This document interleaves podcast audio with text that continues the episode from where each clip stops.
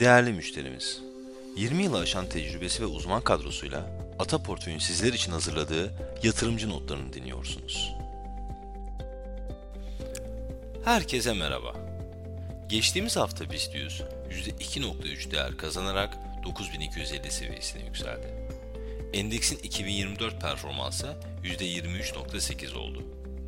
Küresel hisse senedi piyasalarında Japonya ve Avrupa borsaları değer kazanırken Amerika borsaları değer kaybetti.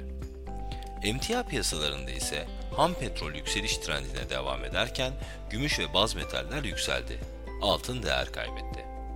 Tarımsal emtialarda ise pamuk ve canlı sığır yükselirken başta buğday ve şeker olmak üzere diğerleri düşüşle kapattı.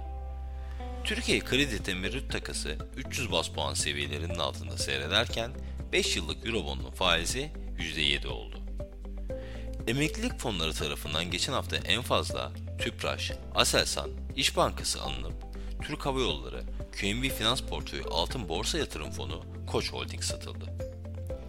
Ata Portföyü yatırım fonları arasında ise haftalık bazda en yüksek getiriyi %2.1 ile faktör analizine dayalı hisse senetlerine yatırım yapan Ata Portföy Analiz Hisse Senedi Fonu sağladı. Fonun yılbaşından beri getirisi %23'e ulaştı.